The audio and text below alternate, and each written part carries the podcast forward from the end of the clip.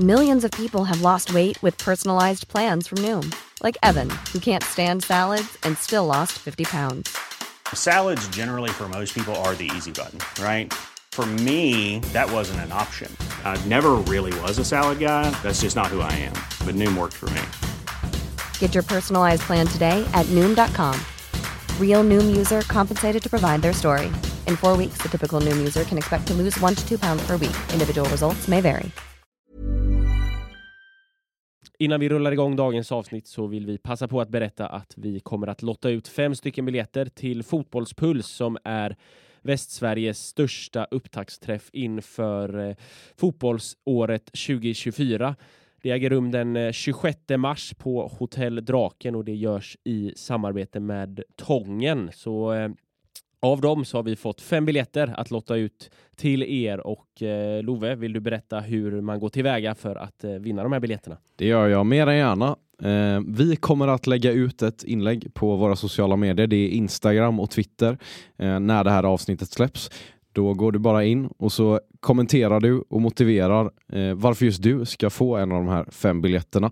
Eh, så får vi helt enkelt se om eh, vi ses där. Så är det. Så in på våra sociala medier och följ instruktionerna där. Nu så rullar vi igång dagens avsnitt. Vi är röd, vi är blå och ska andra laget slå. Hej! ÖIS är världens bästa gäng, gäng, gäng. ÖIS är laget som tar två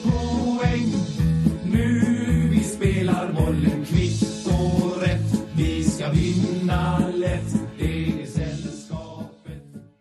Då hälsar vi er välkomna till avsnitt 157 av Öysnack. Ett avsnitt där vi ska snacka upp det stundande gruppspelet i Svenska kuppen.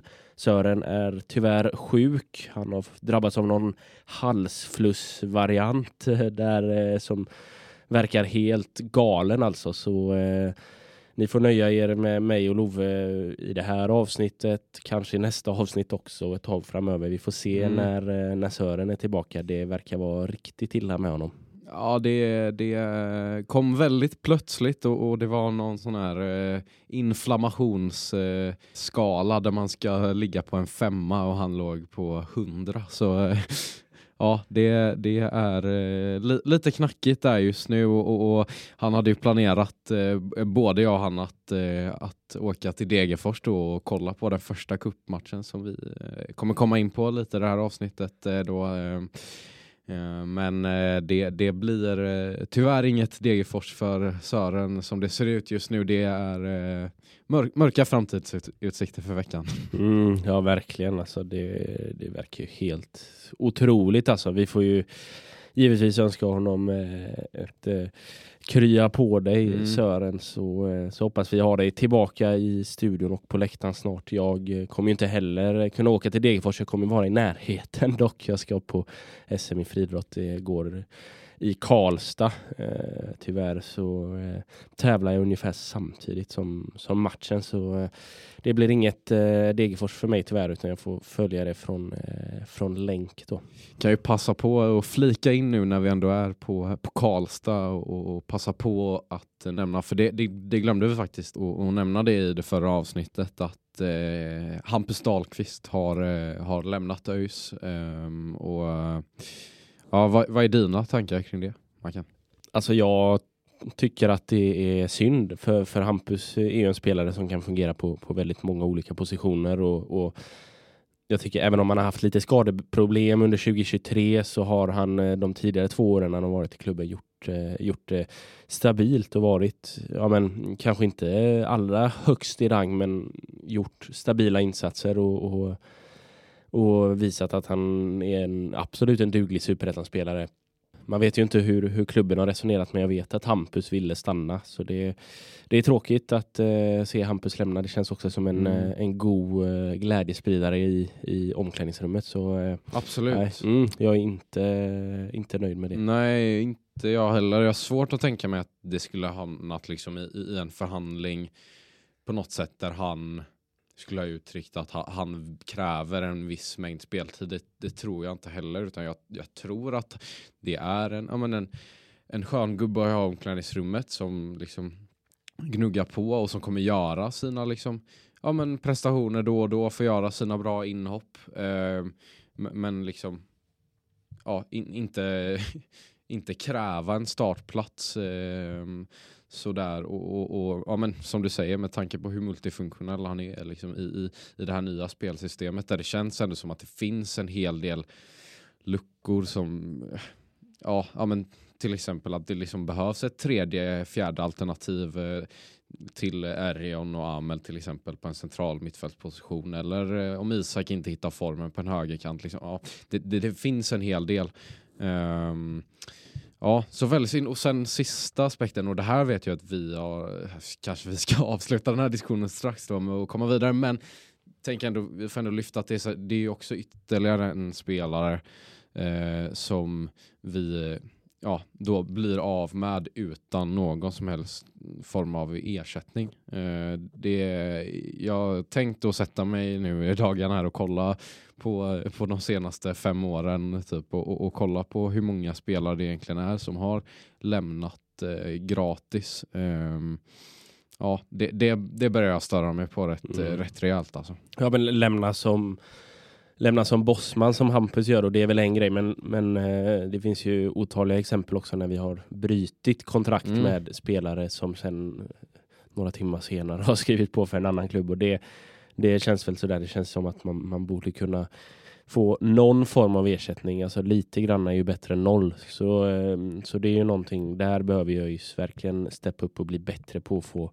få betalt för sina spelare, även de nu har vi gjort ett par försäljningar eh, Aydin och eh, Herman då, så vi har ändå fått skäligt betalt. Men, men sen har vi ju släppt vissa andra Arvid spelare. Arvid Brorsson till exempel som nu har liksom ja. ett, ett värde som vi verkligen hade, hade mått bra av om, om vi nu hade fått igång honom. Liksom in, alltså det är mm. också mm. den här precis. Och sen, och sen eh, har vi ju släppt andra spelare, Gustav Ludvigsson eh, Jens Kajuste för, för struntsummor och sådär.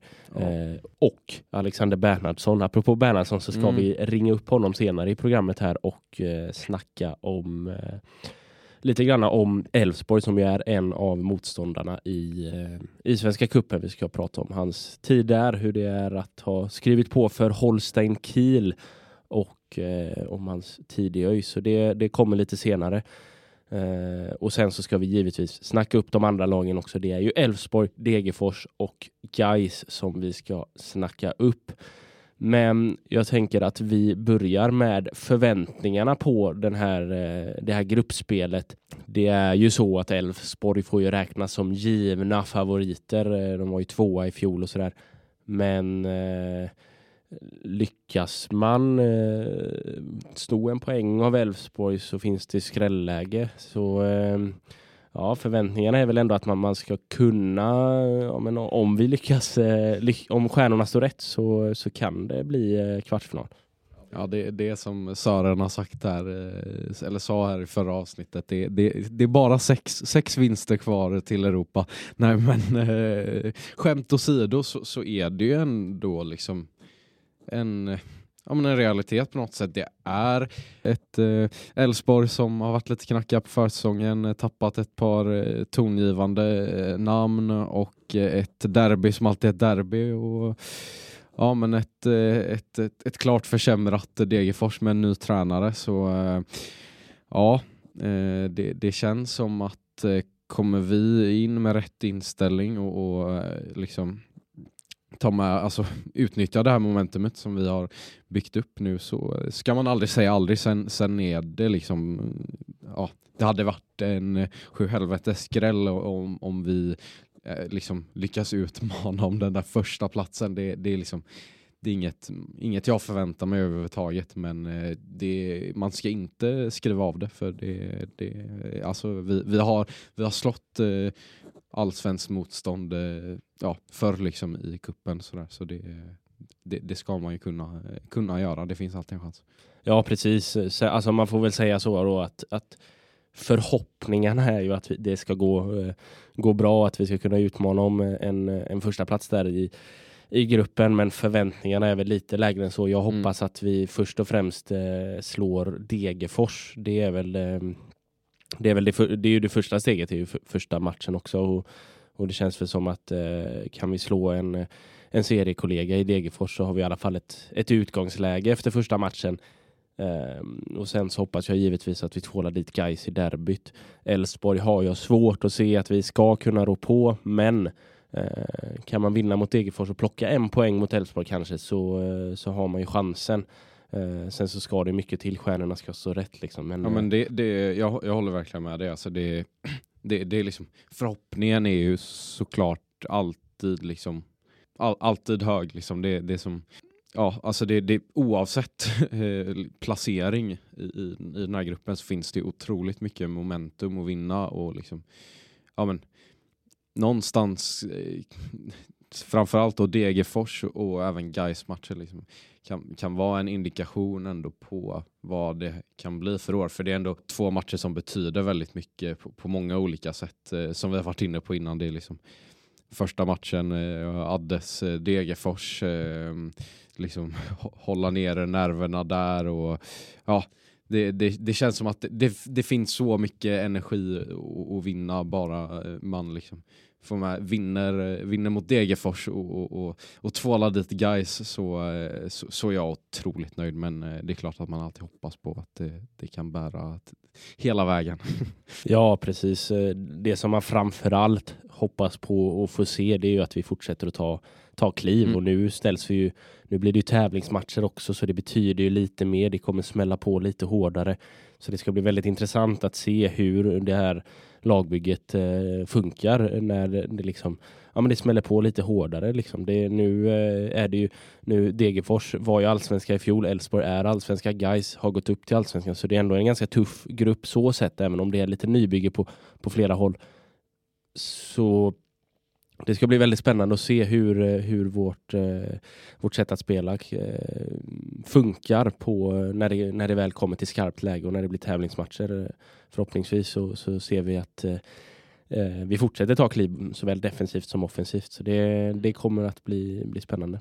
Ja, och så ska det ju också sägas då att liksom Ja, ja, gör vi det bra här så gör vi det också med, med, med i alla fall ett eh, väldigt tungt tapp eh, enligt mig. Vi var ju eh, på, på Utsikten eh, matchen eh, i lördags och eh, där träffade vi en, en skadad, eller ja, jo men eh, jo, skadedrabbad eh, Linus Tagesson och eh, Kristoffer Stiffe som jag tror det var Kristoffer Stiffe hade ja, men cirka två veckor kvar var han inne på till liksom, han var tillbaka i, i full träning och Linus tog det lite mer dag för dag och ja, eh, svårt att, att, se att någon av dem tar plats i, eh, i en Svenska cupen 11 och det är ju ja, två, två tunga defensiva tapp eh, verkligen och Linus även offensivt till viss del. Ja, precis så är det ju och de har inte varit med så mycket i kollektiv träning här under, eh, under försäsongen heller så det det, det ska väl mycket till om de spelar i, i, i gruppspelet här förhoppningsvis så får vi väl se dem eh, lite längre fram på försäsongen eller kanske till och med då eh, mot, in mot seriestart. Mm. Ska också bli, nu känns det som, det här, det här tar vi upp i varje avsnitt nu, eh, men, men, måste ju också lyfta det Alex Ram som vi intervjuade eh, i senaste avsnittet eh, kommer ju att liksom ta första målvaktsplatsen om han gör det bra i kuppen nu. Det, jag kan liksom inte se något annat. En sak om det liksom inte håller och han inte liksom lyckas hålla sig eh, ja, men, samlad och, och, hitta, hitta upp till samma nivå som han har hållit eh, nu under försäsongsmatcherna. Då, då, då kanske man eh, ja, men, letar, letar efter andra alternativ men eh, gör han det bra så, så har jag svårt att, att se att, eh, att det är någon annan än Alex Ram som står mellan stolparna superettan säsongen 2024. Millions of people have lost weight with personalized plans from Noom. Like Evan, who can't stand salads and still lost 50 pounds. Salads generally for most people are the easy button, right? For me, that wasn't an option. I never really was a salad guy. That's just not who I am. But Noom worked for me. Get your personalized plan today at Noom.com. Real Noom user compensated to provide their story. In four weeks, the typical Noom user can expect to lose one to two pounds per week. Individual results may vary. Hiring for your small business? If you're not looking for professionals on LinkedIn, you're looking in the wrong place. That's like looking for your car keys in a fish tank. LinkedIn helps you hire professionals you can't find anywhere else, even those who aren't actively searching for a new job but might be open to the perfect role. In a given month, over 70% of LinkedIn users don't even visit other leading job sites. So start looking in the right place. With LinkedIn, you can hire professionals like a professional. Post your free job on linkedin.com slash achieve today. ÖIS är världens bästa gäng, gäng, gäng. Ja, men då går vi över och pratar om det första motståndet vi ställs inför. Det är ju Degerfors som eh, står för motståndet borta på eh, Stora Vallas B-plan som det ju blir eh, nu till helgen. Detta Degerfors som åkte ur allsvenskan i fjol, endast 26 inspelade poäng. Det var ju en konstig match när de åkte ur. Eh, de mötte ju Elfsborg som också står för motståndet i, i den här gruppen och det stod 2-2 och båda lagen kunde, hade mycket att spela för. Elfsborg kunde vinna allsvenskan och Degerfors eh, kunde eller var tvungna att vinna den matchen för att, inte åka ur. Och så slutade 2-2 och så ligger eh, 22 spelare helt utslagna som, eh, som, som att det vore en skyttegrav ungefär eh, på, eh, på Borås Arena där efter matchen. Var Det- det väl, var- eh, var väl han eh, Rosba där, eh, målisen eh, i Degerfors som eh, liksom körde något firande mot Elfsborgsklacken typ. Ja, de hade ju inte riktigt koll. Nej. Jag tror det, det Adde och Adde då som var tränare där och Tobias Solberg, de hade svårt att få ut till spelarna att de behövde gå för att vinna i och med att ja, det var väl att Brommapojkarna hade vunnit Eh, på, på hemmaplan. Så det, ja, det, det var en, eh, en minst sagt märklig match, men det slutade ju då i att Degerfors åkte ur och då var det ju redan sen i, i somras ungefär klart att eh, Adde då, som ju nu tränar ÖIS och Tobias Solberg Eh, inte skulle få förlängt de här två som har varit i Degerfors otroligt länge. Först som spelare, sen som assisterande tränare och sen eh, de senaste, sen 2020 då som, eh, som huvudtränare. Och det var då alltså klart sedan, sedan länge att de inte skulle få förlängt. Och eh, in istället kom då William Lundin från eh, IFK. William har ju varit huvudtränare för Trollhättan i division 1 innan och hade ju ett interimansvar i IFK. Det är en ung, väldigt ung, men, eh, men spännande tränare som, eh, som Degerfors har plockat in här ändå. Ja, nej men eh, jag, jag tror nog att det här är helt, helt rätt spår att gå på. Det är en ung och, och spännande tränare som nu har fått med sig en hel del lärdomar och, och, och erfarenhet från den otroligt stormiga perioden då, då han styrde skutan i IFK. Tycker inte heller att liksom han ska skämmas eller hängas för några av, av de prestationerna. Är han inte med och tar någon någon viktig vinst eh, där mot med Degerfors. Eh, är det Degerfors hemma? Ja, den Som vann han ju med, med- typ 6-0 eller Ja, exakt, exakt. Mm. Eh, eh, men, men också liksom, om, om, man, om man ser till Degerfors eh, f- framtidsutsikter och möjligheter så måste de ju någonstans eh, pra, pröva något helt nytt. Eh, tränare med en annan eh, spelfilosofi och för, för det är ett helt annat spelarmaterial man kommer ha att jobba med nu. Eh, och eh, ja, ja, men det, det är väl eh, ett, ett helt nytt spår för Degerfors och eh, få se eh, vart det bär. Jag tror det kan bli bra eh, över tid men eh, eh, lite osäker på eh, liksom den, den närmaste framtiden. Ja, men intressant också tycker jag att de har tagit in Mattias Lindström, otroligt erfaren, eh, framförallt som spelare men också som tränare, som assisterande då till, till William. Så man tror mycket på William och så har man Mattias då kanske lite mer som ett bollplank och, och en mentor till William. Så det känns ju som en, eh, en ganska,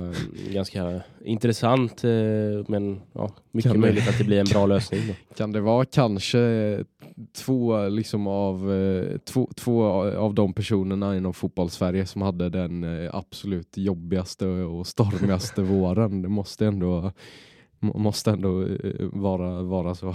Jaha, så, så kan det mycket väl, mycket väl vara. Så där kanske de kan hitta någon form av eh, Mm. gemenskap i det. Får köra lite gruppterapi där. Nej, men, eh, absolut, det, det är, väl också helt rätt. eh, Ja, för, för William Lundin har ändå inte den längsta erfarenheten. eh, Och sådär. Men eh, som jag var inne på lite så tror jag ändå det kan vara en, en rejäl omställningsperiod för Degerfors nu. För det är eh, liksom eh, en, eh, en eh, Andreas Holmberg som har kört eh, på, en, på en väldigt offensiv eh, spelfilosofi. Ehm, och, och det är det som Degerfors har arbetat ut efter i flera år och format sin, sin spelargrupp utefter. Eh, nu har många spelare lämnat eh, men, men William Lundin kommer in med en helt ny spelfilosofi. Han, eh, eller av, av det jag såg eh, Eh, i, när han eh, rattade IFK så var det ju eh, ja, men, dödgrävarfotboll. Jag ska vara helt ärlig och säga att jag har inte följt Degerfors sådär eh, jättenoggrant nu under försäsongen. Eh, noterat att det ändå eh, liksom går, går, helt okej. Eh, mm, eh, något kryss där mot Sirius och sådär. Eh, Ja, eh, men, men jag tror ändå det kan bli en omställningsperiod från en, en, en väldigt offensiv eh, spelidé till en eh, betydligt eh, mer defensivt inriktad. Ja men, eh, ja, men verkligen, verkligen. Eh, om man går in och pratar lite om eh, spelare in och ut i Degerfors då, vi kan ju börja med målvaktspositionen. Då är det ju Sondre Rochbach som vaktade målet i fjol som vi var inne på tidigare. Han har ju lämnat och ersatt har ju då Ville Jakobsson gjort denna ännu unge målvakten. Han var ju väldigt ung när han stod för AFC för några år sedan. Sen har han varit i, i Norrköping men inte fått det att lossna riktigt där. Så det är ju en en, eh, en direkt ersättning där. Sen så är det ju väldigt många spelare. Det är ju väldigt stor spelarrotation på Degerfors. Eh, de har ju fått behålla några spelare ändå. Eh. Det är 20 spelare ut här ändå. Då är en, hel, en, en del av dem är liksom eh, lån och sådär som tar slut. Men eh, ja, det är väl en, eh, ja, det är eh, kanske en eh, 13-14 eh, spelare eh, ändå som har varit kontrakterade som, Mm. som har lämnat. Ja, så det, så det är mycket som har lämnat. De som är kvar eh, som, som är, får, får väl ses som viktiga pjäser. Det är ju Abdelkarim Chaouché, mamman Chaouché då, eh, i, eh, som ju är ytterback och, och Sebastian Olsson. Även Dejan Vukojevic, nu har ju han varit eh, korsbandsskadad och sådär. Vi får se när han kommer igång igen och sen då Pashang Abdullah som öste in mål för Jönköping eh, förra våren men som Mm. inte har fått det att lossna riktigt i Degerfors ändå. Så det, det är väl de fyra, fem spelarna som, som är nyckelspelare så som är kvar. Sen har man ju fyllt på med lite, lite nytt fräscht blod också. Kevin Holmén då eh, tänker jag framförallt på och eh, inte förvånad om han blir en bärande spelare i Degerfors eh, under 2024. Jag eh, eh, grämer mig fortfarande en hel del över att, eh, att eh, vi inte löst eh, ja, antingen ytterligare ett lån på Kevin eller en permanent övergång. Eh, Eh, har ändå eh, hört en hel del om att han skulle vara väldigt sugen på att stanna i, ÖIS. Eh, men att ja, Degerfors var nog hetare på, på gröten och, och fick det gjort. Men ja, tror att Kevin kan bli utslagsgivande redan i kuppen men framförallt när, när säsongen varvar igång. Ja, och han har ju redan eh, gjort mål också i, i den senaste matchen. Eh, tittar man på, på de eh, största tappen så skulle jag väl säga en sån som Gustav Granat, eh, Douglas Bergqvist som visserligen bara spelade en, en, en halv säsong, men det är två stora defensiva tapp. Och sen Rasmus också, Örqvist. Ja, Rasmus Örqvist definitivt en, en, en viktig pjäs som har, har lämnat också och, och eh, Siad Korak också. Eh, som var bra för dem i fjol och sen också Christus Gravius då givetvis. Mm. Så det, det är tunga tapp som de har gjort. Går man in och kollar lite på försäsongen så har de eh, ännu, de vann mot eh, ett division 1-motstånd i Örebro Syrianska med 5-0. Det var där Kevin Holmén gjorde mål och sen så har man två kryss då, 1-1 mot Sirius och 0-0 mot Skövde. Så eh, ja, det är väl inte, eh, det, det, är väl, det är väl svårt att bedöma dem eh, utefter den försäsongen även om eh, ett kryss mot Sirius kanske säger någonting ändå. Ja, sen, sen har väl eh, Sirius i och för sig också överlag haft en, en, en riktigt svag eh, försäsong. Men ja, väldigt svårbedömt som, som med så många lags försäsonger. Men, men eh, man, man, eh, när, man, när man kollar på den så, så, så känner jag väl ändå att, eh, att vi på ett sätt kommer in starkare och självsäkrare faktiskt. Rent formmässigt. Ja, ja, verkligen, verkligen. Vi har, har ju fyra raka segrar då som sagt. Ehm, jag tänker att vi kanske lämnar Degerfors där och så tar vi och ringer upp Alexander Bernhardsson för att ta en, en lite djupare titt på Elfsborg och även höra hur det är nere i Tyskland där han har där han ju har skrivit på för Holstein Kiel. Så vi eh, tar väl och ringer upp Bernhardsson här. ÖIS är världens bästa gäng, gäng, gäng. Då har vi med oss Alexander Bernhardsson i Öysnack. Välkommen! Tack så jättemycket. Tack. Hur är läget med dig? Det är bara fint. Det är mycket att fixa här i Tyskland och Kiel nu där jag spelar, men det, annars är det bra. Det är långa dagar, men annars, annars flyter det på. Hur är, hur är Tysklandslivet än så länge? Hur, hur, är det positivt eller negativt överraskad? Nej, men det är väl positivt. Det är mycket nu i början. Det är mycket, alltså, det är en omställning från Sverige och det är mycket att fixa privat, inte bara på, på fotbollsplan och lära känna alla andra, men det är mycket att fixa runt omkring med lägenhet och, och allt sånt. Så det har varit mycket, mycket nu de här veckorna, men eh, det är bara positivt än så länge och man får, man får lära sig något utav det. Hur, eh, hur, hur ställer sig eh, Kiel mot, mot Borås? Vi- Vilken är, vilken är den godaste staden? Ja, men Borås, alltså, det, jag har faktiskt inte sett jättemycket av Kiel om jag ska vara ärlig. Jag har inte tagit mig tiden till att gå runt i stan så, men än så länge så verkar det vara en jävla god stad. Och, och samma Borås, den här är väl lite större än Borås. Eh, det händer väl lite mer här kanske, alltså lite mer trafik och så än vad det kanske var i Borås. Men, men eh, jag kan faktiskt svara på det lite än, för jag har inte tagit mig tiden och gått och, och kikat runt här än så länge. Men det, det får jag återkomma, återkomma till. Ja, ja. Eh, hur kommer det sig att det blev eh, Holstein Kiel då från, från början?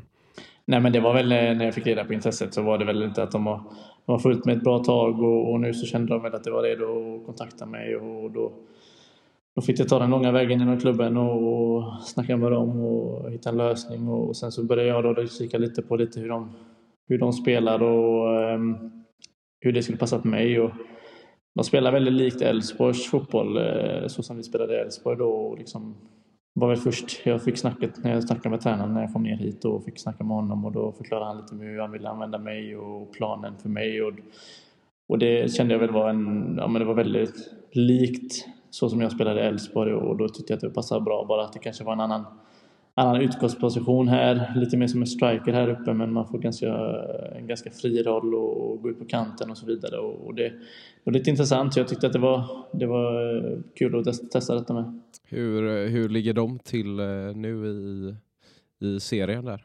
Eh, vi vann ju i, eh, i söndags och då eh, gick vi upp på andra plats igen.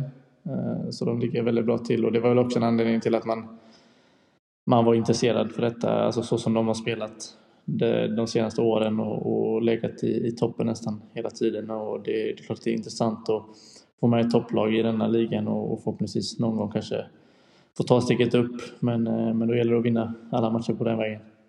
Var det liksom eh, ett, eh, ja, men ändå ett tufft beslut att, att, lämna Elfsborg? Jag tänker lite på att liksom, ja, men den, den då var mycket, mycket skador och sådär eh, under din tid i Elfsborg men att det ändå liksom, det, du, du, du visade mycket när, när, du, när du väl spelade liksom, men att det aldrig blev riktigt kanske så, så som man hade tänkt sig. Var det, var det liksom lite vemodigt på något sätt eller var det ett enkelt beslut? Nej, men det var vemodigt såklart. Alltså, jag spelade i Elfsborg i fyra år och liksom, man skapade en relation till klubben och, och alla lagkamrater som, som var liksom, ja men just jag spelade ett år och här spelade jag fyra år så det är klart att de här åren gjorde lite extra inom laget att man, man blev väldigt nära med många, många lagkamrater och, och, och många inom liksom, kansliet och så och det är klart att det, det är tråkigt att lämna det också. Eh, man hade tuffa tider i Elfsborg, man var skadad och sånt men då, då hade man alltid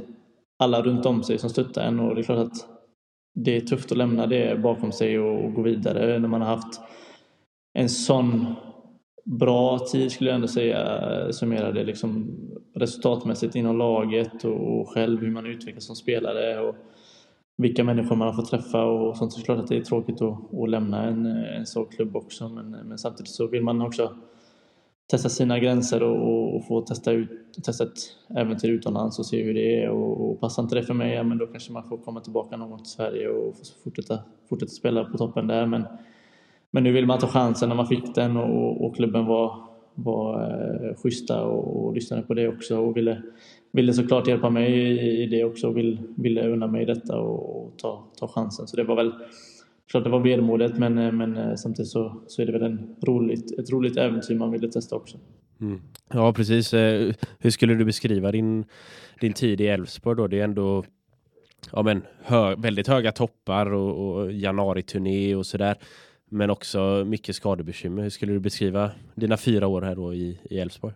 Nej, men det började ju med när jag kom dit att man, man fick sin knäskada som stödde mig ganska mycket och, och behövde operera mig. Då och då försvann ju hela första året i princip för det var väl en, en långdragen, det var ingen typisk fotbollsskada jag hade utan det var väl en mer äldre skada så som lite äldre personer har och tyvärr så fick jag åka på det och då fick jag eh, operera det och var borta hela året och då, då började det knackigt såklart. Eh, men då hade man ju alltid laget med sig och de stöttade mig otroligt mycket och, och pushade mig till att, till att lägga det bakom mig och, och fokusera på nästa år och, och det var väl inte då 2021 som man kände att man, man är tillbaka och man, man kände verkligen att man, man får ta det här året till att lära sig och, och, och komma in i allting. Eh, det är ett lite snäpp från Superettan, lite snabbare och lite mer lite tuffare och då var det egentligen bara att lära sig det 2021 och då hade jag lite problem med baksidan. Eh, för att man, man felbelastar nog, man vill inte använda knät på samma sätt som, som jag gjorde innan, eh, innan det började. För man hade väl lite små problem fortfarande det året och då då blev baksidan lite irriterad istället för att jag använde den för mycket. Och 2022 var egentligen året man, man, eh, man fick liksom bara köra. Alltså, och man hade inte riktigt några skador 2022 heller. Eh, man var med hela, nästan hela året och kunde gasa på. Man fick vara med i januariturnén då efter den säsongen och fick, fick börja 2023 ganska, ganska bra. Sen fick jag en lite problem med baksidan igen och, och var borta i några veckor och sen så fick man köra under hela, under hela sommaren och det tills hösten och då skadade jag foten. Så det var, väldigt, det var väldigt upp och ner men det är egentligen bara bra, bra minnen jag har. Eh, det är klart man, man, man hade hoppats på att man inte var skadad men det är så det är fotboll. Ibland så skadar man sig och ibland så är man på banan och nu fick jag vara mycket mycket i gymmet men, men det, man lär sig något av det också. Mm. Ja men verkligen och, och, nu senaste året då förlora guldet där i sista omgången. Hur, hur pass hårt tog det? Ja, det var tufft. Eh, det, var, det är någonting jag aldrig har känt innan. Alltså det här att ha allt i egna händerna och, och, och sen förlora det så snabbt. Det var, det var något speciellt och jag tror det kommer lägga i en ja, hela, hela livet i princip. Att man, det gick så snabbt och vi förlorade på bara två matcher och det är klart att näst sista matchen eh, när det var som uppgjort att man skulle vinna, vinna på hemmaplan och alla supportrar var där, det var fullsatt och, så vidare. Och det är klart att det hade varit mäktigt att vinna det men nu, nu gjorde vi inte det och då var det en till match i Malmö och det, det är inte jättelätt match.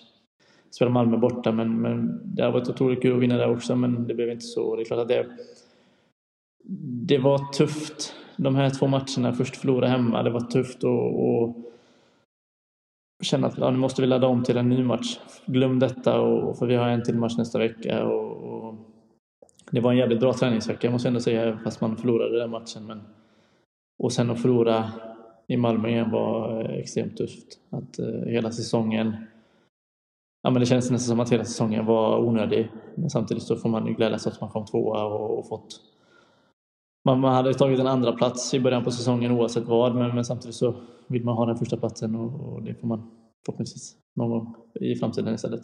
Ja, jag, jag, jag tänker ändå att eh, ja, men det, det, är en jäkla prestation eh, som, som ni, ni ändå gjorde i, i fjol men, och, och som kommer ifrån en, ja, men, en otroligt stabil grund som Elfsborg har byggt upp nu i, i flera år. Och, ja, men att det ändå finns en stor chans att Elfsborg kan liksom samla sig och, och, och liksom ladda om och, och, och gå för eh, SM-guld eh, ja, i flera år här framöver. Eh, vad, vad, är det egentligen som är styrkorna i Elfsborg? Vad är det som har gjort att man har tagit sig dit man är idag? Nej, men jag skulle vilja säga att det är Stefan Andreasson och Jimmy Tillin, hur de jobbar. Alltså, sättet som de jobbar flera fönster framåt. Sättet hur de liksom planerar att detta fönster kanske en spelare. Vi har liksom Jeppe Karlsson som lämnade oss eh, och, och, blev ersatt av Jeppe Ockels. Eh, och, och, Jeppe Ockels började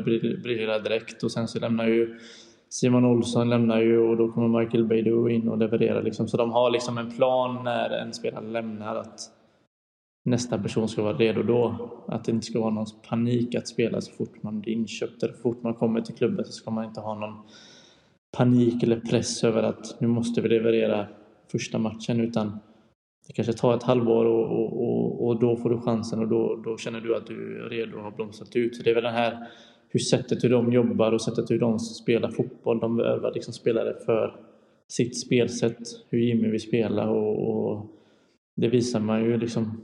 Byts en spelare ut, men då kommer nästa in och gör, gör exakt samma jobb. Och i fotboll bör man ha den kontinuiteten att oavsett vilka som står på banan, oavsett om det är fem spelare skadade, så ska man kunna ha en trupp som, som spelar lika bra och kan vinna matcher ändå. Och det tycker jag vi, vi hade under alla de här, ja det har de fortfarande under liksom alla åren nu som de har jobbat på det här sättet att de, de har byggt upp en kontinuitet och en spelartrupp som, som presterar oavsett vad och, och fokuserar bara på, på sig själva. Mm. Och, och apropå eh, Jimmy Thelins sätt att spela då, vad är det för, för lag vi öjsare kan förvänta oss eh, här om ett par veckor? Nej men det är fartfylld eh, fotboll. Alltså det, det ska gå liksom, man ska attackera. Eh, fotboll handlar om att göra mål och, och, göra mer mål än andra laget och, och, och släppa in min, alltså minst. Eh, det är egentligen så, så simpelt som, som Jimmy, Jimmy förklarar fotboll för oss och så som han vill spela. Och det, det attackerar mycket, kommer till mycket målchanser. Eh, för att ju mer målchanser du skapar ju större chans är det att du, du sätter dit den och, och, då ska man ha spelare som, som springer och gör det jobbet också. Och, så det är mycket, mycket löpningar och mycket, mycket attack eh, mot backlinjen för att trötta ut dem så mycket som möjligt såklart. Eh, men samtidigt så är det också ett hårt defensivt jobb eh, som man ser liksom att vi är elva man på planen och elva man ska försvara och, och hålla det kom, så kompakt som möjligt. För att man vet hur jobbigt det är när man åker på ett 1-0 baklänges och, och försöka jobba upp till 2-1. Det är inte jättelätt. Eh, så det är klart att man, man måste hålla nollan och försöka jobba så. Så det är mer det sättet som man gillar att spela fotboll och, och eh, det är det som har gynnat oss väldigt mycket när vi, under åren jag har spelat i Elfsborg. Jag tänker det är ändå en, en rad eh, tongivande spelare som har, som har lämnat Elfsborg nu på, på en liksom kort tid. Tror du att, att liksom Jimmy löser det eh, nu med, med, en gång på kort tid att liksom hitta samma spel igen eller tror du att det, det kan bli tufft att hitta, hitta samma form?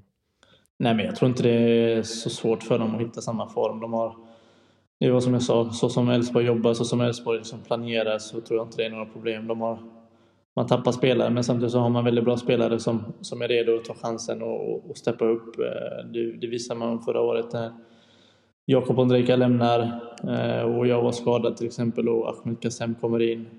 Eh, briljerar liksom så här och man har Besfors Seneli som, som kommer in och gör det hur bra som helst i slutet, eh, de sista matcherna. Och, det finns spelare som, som ligger där och, och, nästan de själva hade kunnat starta hela tiden men, men det finns andra spelare före. Men de är, de är redo, de, de fokuserar på, på nuet och bara träna och bli bättre och sen när chansen kommer så, så tar de den. Och, det ska jag säga, oavsett nu om man tappar många spelare så kommer det finnas så många som, som är redo att ta chansen och, och göra exakt samma jobb. Så, så jag är inte orolig för att de eh, kommer prestera sämre för att de tappar mycket spelare men, men eh, för att de har en bra plan och, och en otroligt stark trupp eh, för att fortsätta prestera på samma nivå.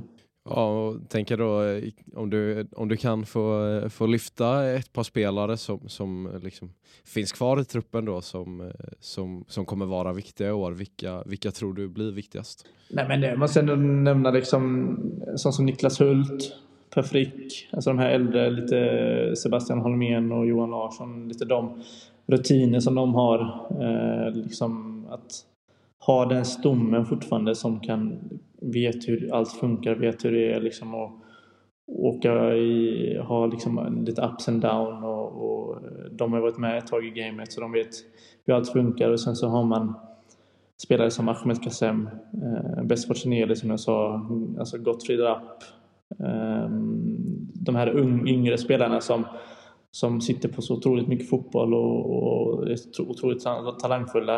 Eh, så tror jag att sådana spelare, de här yngre då, om det är de tre som jag ska nämna, att de, de har så otroligt mycket fotboll i sig så att de kan gå otroligt långt. Sen så ska det vara en timingsfråga också. När de, inte för mycket press på dem och, och, utan de ska egentligen bara få, få blomma ut. Och det finns ju många andra spelare, Gustav Henriksson som jag tycker också, ja det är ju nära vän också men liksom en mittback som, som inte heller fått spela jättemycket men sitter med otroligt mycket fotboll och får får han chansen. Så att det finns jättemånga spelare man kan nämna. Jag kan ju nämna hela laget i princip. Eh, men det kan man väl kanske inte göra. Men det, det är många spelare som jag hade velat lyfta fram. Men samtidigt de här tre då måste jag ändå säga Ahmed Kassem, Besfort Tineli och Gottfried Rapp. De verkar intressanta för framtiden i alla fall. Mm.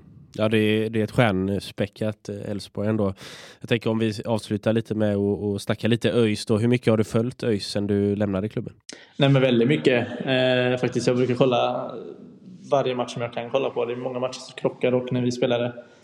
Men jag följer alltid resultaten och jag följer, följer alltid hur det går i omgångarna. Så, eh, och det är klart att det har varit lite upp och ner nu de senaste åren. Men, men samtidigt så är det skönt att de har alltid klarat sig kvar och kvalet och sånt. Eh, men Sen så är det tråkigt, det är inte så många kvar sen jag var där. Det är väl eh, Polle som är kvar. Eh, och mycket nytt på ledarsidan också, så det är väl lite surt att det inte är så jättemånga kvar som jag spelar med. Men, men eh, jag följer dem otroligt mycket ändå. Och jag var faktiskt och kollade på derbyt förra året eh, på, på plats. Så jag ville ändå försöka kolla så mycket jag kan. Eh, för det, en klubb som ligger mig närmast om hjärtat också. Jag fick vara där och, och, ha en väldigt fin tid, väldigt fint år. Och det är klart att man, man då vill, vill fortsätta följa det och, och eh, se hur det går. Så jag följer det ganska mycket.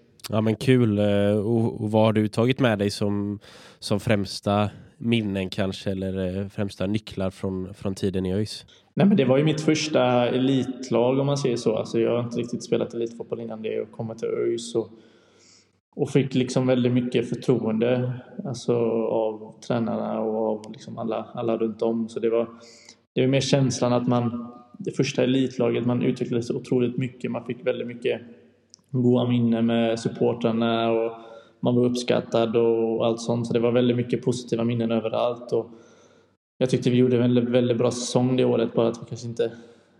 Ja, vi, vi kom väl lite sexa eller vi kom en eh, matcherna som vi spelade och, och liksom sättet vi spelade på tyckte jag var otroligt kul. Och man fick testa på lite olika positioner och, och lära känna väldigt mycket goda människor. Så det är väl mycket sånt som man har fått ta med sig för man utvecklas så otroligt mycket som fotbollsspelare framförallt eh, sättet att förstå fotboll på ett annat sätt. Och, och sen vara redo att dra till Elfsborg var eh, otroligt kul.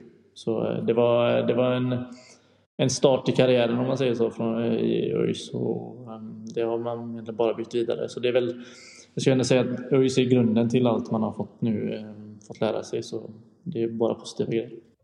Jag tänker om, om vi ska avsluta med eh, en sista, kanske jobbig eller lätt fråga, det, det beror på hur man ser det, men eh, om, om du får ge liksom en, eh, ja, men en, en tippning på eh, procentchanserna liksom att eh, ÖIS har på att slå, slå Elfsborg, eller ta poäng kan vi säga, ta poäng mot Elfsborg.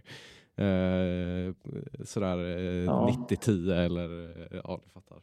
Svår fråga alltså. Det, sådana här matcher kan gå lite hur som helst. Man vet aldrig. Det, det är liksom sådana här cupmatcher, det är tidigt på säsongen. Man vet aldrig hur, hur lagen ligger och sånt. Men Alltså, tippar jag resultat så kanske jag skulle tippa att då tippar jag nog eh, 2-1 till Elfsborg. Måste man säga. Alltså, eh, det är nog egentligen mer att det är allsvenskan, superettan. Det är väl lite mer tempo kanske i allsvenskan och det kan nog till slut kan det nog eh, bli lite jobbigt för ÖIS om man inte får in något mål snabbt och, och kan hålla det. Men eh, 2-1 skulle jag tippa resultat, sen så är det svårt så här procentmässigt. Jag är så jävla dålig på att tippa sånt men eh, 2-1 skulle jag väl säga kanske i ett resultat. Ja. Yes, eh, vi måste ju också eh, ställa en, en, fråga, annars blir vi halshugna av våra lyssnare. Vi frågar alltid eh, denna frågan till, till alla som, eh, som är med. En, en udda fråga då, kan du backa med släp? jag har aldrig testat alltså.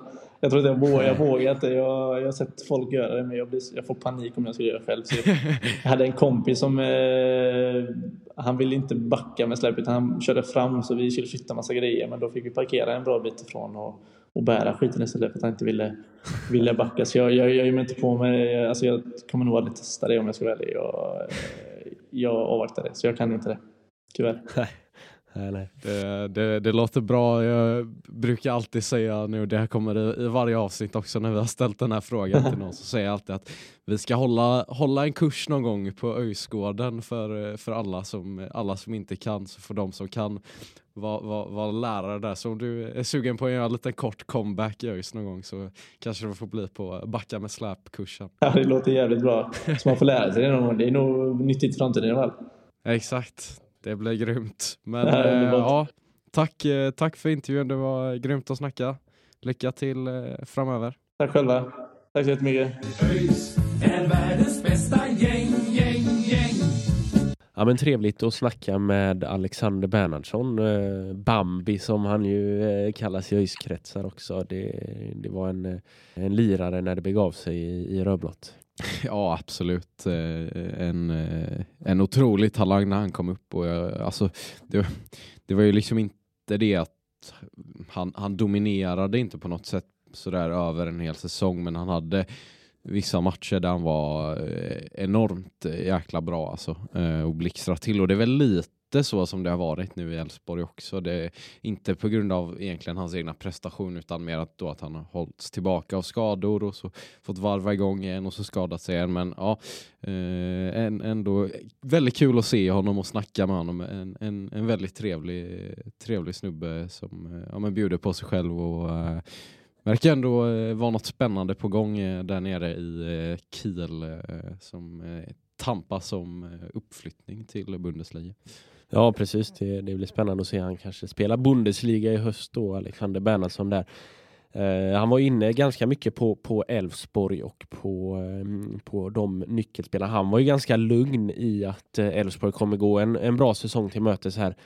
Jag är väl inte riktigt lika lugn. De har tappat många nyckelspelare, kanske framförallt i deras målvakt Hakon Valdemarsson som var väl allsvenskans bästa målvakt förra året. Har gått till, eh, till Brentford och ersatts av eh, visserligen en, en meriterad målvakt Isak Pettersson men han har ju inte gjort det bra så här långt på säsongen. De har släppt in väldigt mycket mål här på försäsongen så eh, Ja, det, det är ju ett tungt tapp och även i ja, men Gudjonsen och Jeppe Ockels då och, och Emanuel Boateng och sådär så de har tappat ganska många viktiga pjäser det blir spännande att se om de eh, lyckas ersätta det då.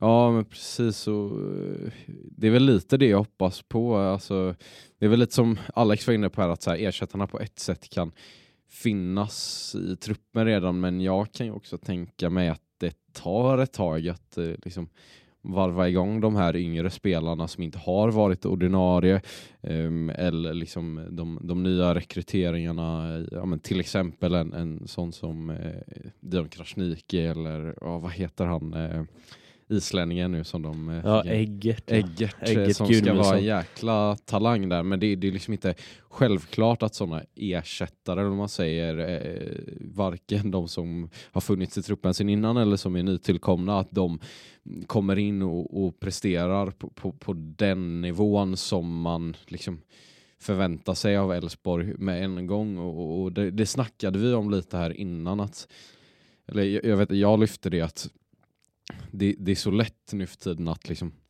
en säsong eh, och liksom en bra prestation blir till en sanning. Eh, nu, liksom, eh, Alex har betydligt bättre koll på, på hur liksom, Elfsborg arbetar och, och, den kvaliteten som finns där än vad, än vad, vi har. Men, men jag kan väl ändå känna lite lite ibland att liksom det, ja men bara för att eh, Jimmy Tillin har gjort en bra säsong som tränare betyder ju inte det att eh, nästa säsong kommer gå lika bra utan han hade till exempel en, Valdemarsson i mål som var helt dominant. Det blir ändå en ny gruppdynamik på något sätt, många spelare ut. Eh, hur blir det, liksom, kommer ersättarna leverera? Ehm, Eh, och sådär eh, liksom eh, också tungt att varva igång igen efter att man tappade SM-guldet på det sättet man gjorde. Ja, jag vet inte och det har ju liksom inte alltid varit stabilt läge i Borås för, för Jimmy Tillin utan det, det stormade ju en hel del under 2022. Um, Ja, så, så jag är liksom inte helt säker. Det är ju, han måste ju bevisa sig eh, över tid. Eh, det här är ett år. Det är precis som eh, Xabi Alonso nu borta i Leverkusen. Gör ett fantastiskt jobb där men kan ju liksom inte han är ju liksom inte en av världsfotbollens bästa tränare objektivt bara för att han har gjort ett imponerande år med Leverkusen. Liksom. Det, är, det är lite, lite så jag tänker. Ja, ja, ja, verkligen, eh, verkligen. Sen så ska man ju komma ihåg det att Elfsborg har ju alltid någon som är lite halvt okänd som kliver fram och gör det eh, riktigt, riktigt bra. Så det, det, det, ersättarna till de här spelarna kanske finns i, i truppen redan och de har ja, ju fått behålla många. Ja, de har ju en stomme och, och alla de som, som Bernhardsson nämnde där med, med, med kanske då eh, Ja, men, ja, per Frick är väl kanske inte den, den bästa anfallaren men en, eh, en väldigt erfaren eh, sådan och sen så har man ju eh, ja, men Simon Hedlund, man har kvar Baidu, Kassem och, och så hela backlinjen i ja, princip som precis, är precis som är en ja. väldigt stark backlinje. Mm. Uh, och, och, sen så finns det ju de här intressanta namnen. Camille Bara spelade inte så mycket i fjol när han kom från, från Landskrona men är en sån spelare som definitivt skulle kunna ta det här klivet. jag går bara och väntar på att han ska explodera. Så jag kommer ihåg faktiskt, eh, där är jag ändå lite nöjd inför något sånt där upp, i något uppsnack eh, där lyfte jag Kamil Jebara som en av de stora talangerna. Ja, det var, väl, red, det var väl förra året då. Mm, Sen så gick precis. han ju till, till Elfsborg under sommaren där och Eh, ja, Gottfrid Rapp eh, talade ju Bernhardsson eh, gott om också och det, det är ju också eh, en, en spelare att, eh, att se upp med då kanske under året. Så det, det, det är klart att, eh, att det finns kvalitet i den här truppen och att säga någonting annat än att de är storfavoriter att ta hem det, det, det vore ju att liksom eh, ljuga. Men tittar man på deras försäsong så har det ju knackat lite grann. Man ska komma ihåg att de har mött hyfsat kvalificerat motstånd eh, i bland annat FC Köpenhamn då, men de har släppt in 13 mål på fyra matcher inte vunnit en enda match, bara eh, ja, de har kryssat mot danska OB då, men, eh, men i övrigt så har de förlorat eh, tre stycken matcher. Så en, ännu ett, eh, ett Elfsborg som inte har vunnit och som har släppt in väldigt, väldigt mycket mål. Eh, visserligen mot bra motstånd, men, eh, men 13 mål på fyra matcher är ganska många insläppta. Absolut, och nu kommer eh, våran offensiv eh, i stor form. Sören kan få dra kopplingen när han är tillbaka från 5-0 eh, mot Landvetter. Det, det, det, ska säkert sluta upp i, i, i, i ett, ett, en målfest för ÖIS del. Nej men eh, skämt åsido så, så, så tror jag att faktiskt att det kommer bli extremt tufft. Absolut, de har släppt in mycket mål under försäsongen men det, det kan liksom eh, bero på, på, på många olika eh, faktorer. Ja, men till exempel att man, man experimenterar eh, och, och testar sig fram. Men eh, vill de så kan de eh, ställa upp en eh, extremt stark defensiv så, som kommer att göra det tufft för en ÖIS offensiv som inte ja, det, det är liksom eh, inte en offensiv att räkna med än, känner, känner jag i alla fall. Eh, sen får vi se, eh, som Alex var inne på där, eh, kanske kan få in ett tidigt mål, jobba utifrån det.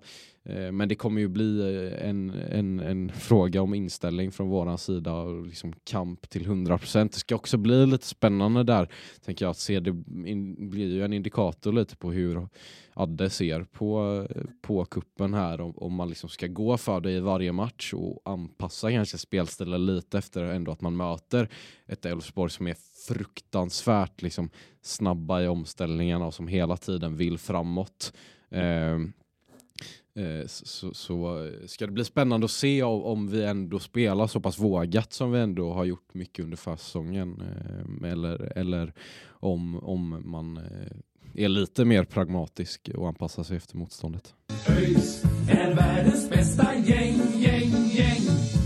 Då har vi avhandlat de första två lagen då Degerfors och Elfsborg och eh, gruppspelet kommer att avslutas första helgen i mars då vi möter eh, Gais på Bravida Arena. Det blir alltså då ett eh, originalderby i den sista gruppspelsmatchen. Detta Gais som ju förra året gick upp till allsvenskan och som faktiskt inte har tappat så, så värst mycket. Det är Julius Lindberg som har gått till Häcken men i övrigt så har man fått behålla egentligen alla spelare som är, är värda att, eh, att nämna och eh, krydda till med några nyförvärv. Så det är ju ett, ett guy som ju blir ganska likt det vi såg förra året.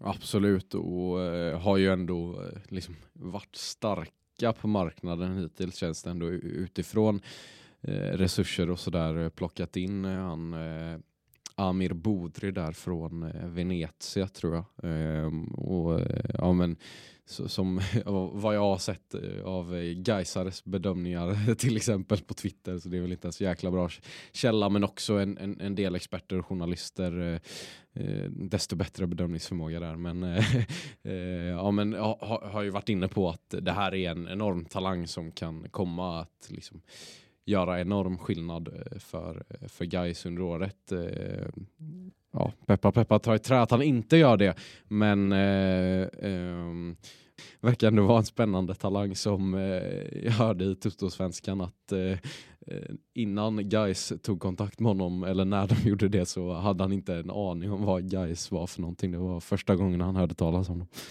Ja, eh, han hade levt eh, 19 år eh, utan att höra talas om Ganska det, det skönt. hade man ju, ja precis, det hade man ju önskat att man själv hade kunnat göra. Eh, de har ju förutom då eh, denna Amin Budri eh, plockat in exempelvis William Milovanovic som var en av Utsiktens eh, mest tongivande spelare i fjol, i fjol under hösten också. Sen har man ju tagit tillbaka då på lån Harun Ibrahim som, som man sålde till Molde och som förra året var utlånad till, till Sirius.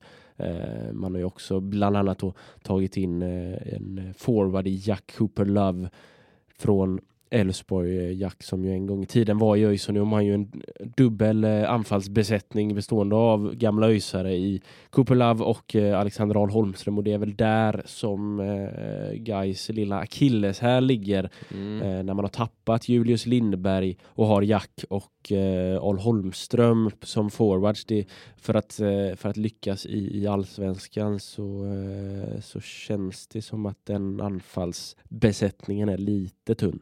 Mm, precis, jag vet inte. Och sen har de väl, han, han kanske spelar på en kant, han är Edvin Besirovic. Jag inte... Ja precis, han har ju men också han kommit in och, kom- och, ja. det är också en, en, en offensiv pjäs då, så det, Mm. det han eh, kan Men- men- komplettera där. Men eh, Ja. jag håller med dig, absolut. Det är liksom två rätt eh, bräckliga alternativ på, på lite olika sätt. Eh, ja, jag vet inte, jag, jag blir mest irriterad när jag tänker på Alexander Ahl Holmström, men tycker att han bevisade flera gånger eh, under fjolåret att han liksom inte alltid är där under stora matcher. Bränner ju ett, ett bra läge i, i vår derbyt till exempel och eh, ja, jag vet inte hur många mål han kommer upp i men det är ju liksom inte många fler än, eh, än Noah Kristoffersson. Eh, så ehm, nej, jag, jag, jag tycker faktiskt att, eh, att det är lite kul att, eh, att Al Holmström har ett allsvenskt kontrakt. Det, det känns inte som han hör hemma på den nivån.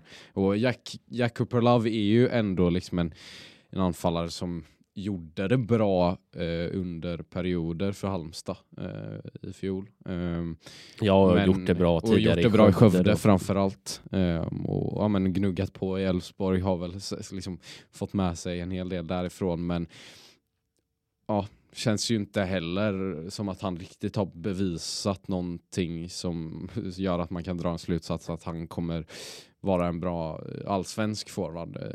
Sen är jag inte, skulle jag inte vara helt förvånad om han ändå gör det relativt bra. Eh, men eh, Ja, nej, här, känns de väl svagast.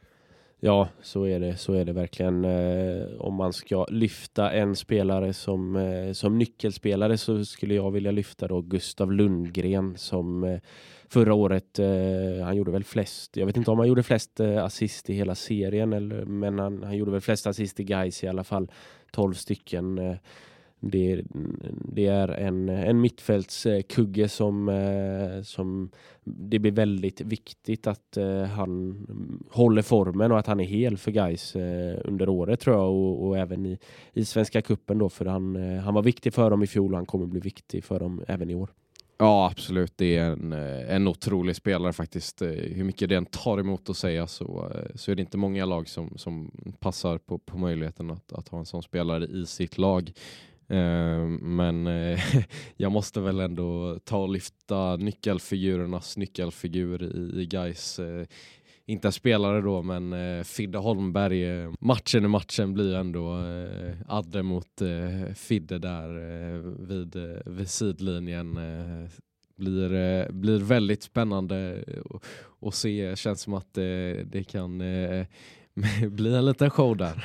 Ja, det kan nog hetta till rejält och det gäller ju alla de här eh, matcherna egentligen. Det finns ju incitament i alla matcher. Eh, Degerfors, Addes eh, gamla lag. Vi har en gammal öjspelare, Kevin Holmén i Degerfors. Vi har visserligen ganska långt eh, tillbaka men vi har spelare i ÖIS också som har, eh, har varit i Degerfors, Jonathan Asulaj bland annat. Eh, och, och, och, sen i Elfsborg så, så har vi ju Anton Andreasson som ju bekant har sin farsa då i, i klubben och som har en bakgrund i klubben. Och, och så guys då givetvis ett derby som vanligt med den här extra kryddan då med, med, med Adde och eh, Fidde. Och sen så i, från Elfsborg så är det ju utlånat både till guys och till, eh, till Degerfors eh, ja, det... i, i Jack och Kevin. Så det, det, det är ett... Eh, det känns ja. som att det är lite, liksom, det, det, media snappade ändå upp att det, det liksom blir två bröder som möter varandra här, men det känns som att eh, det, det är få som har plockat upp hela, hela gruppen. Enligt mig är det här tydligt eh, liksom gruppernas grupp. Eh, betyder, alltså, nödvändigtvis inte eh, liksom dödens grupp, men eh, absolut den som väcker mest känslor och spektakel.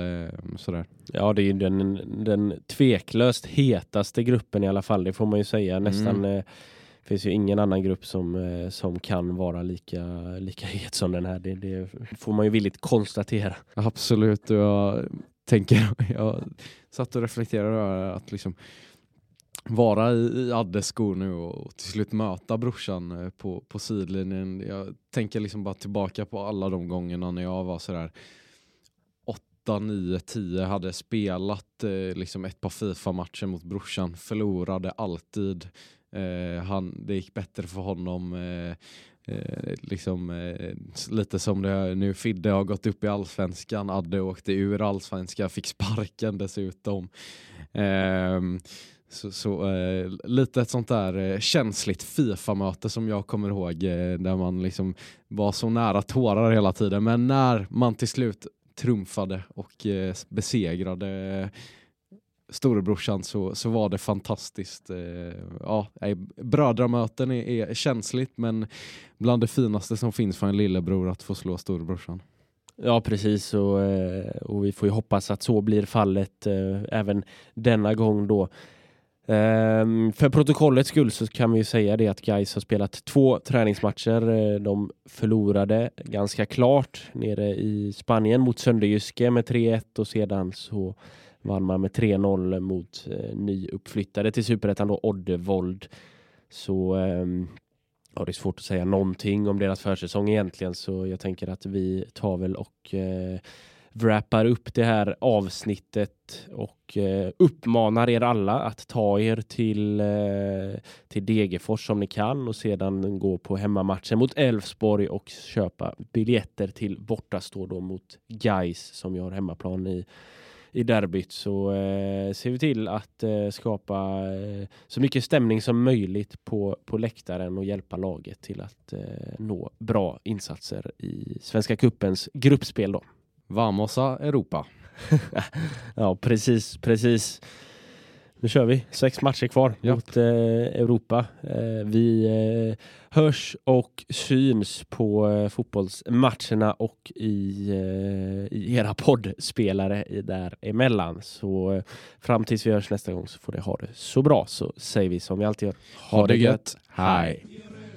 Vi är blå och andra laget slå. Hej!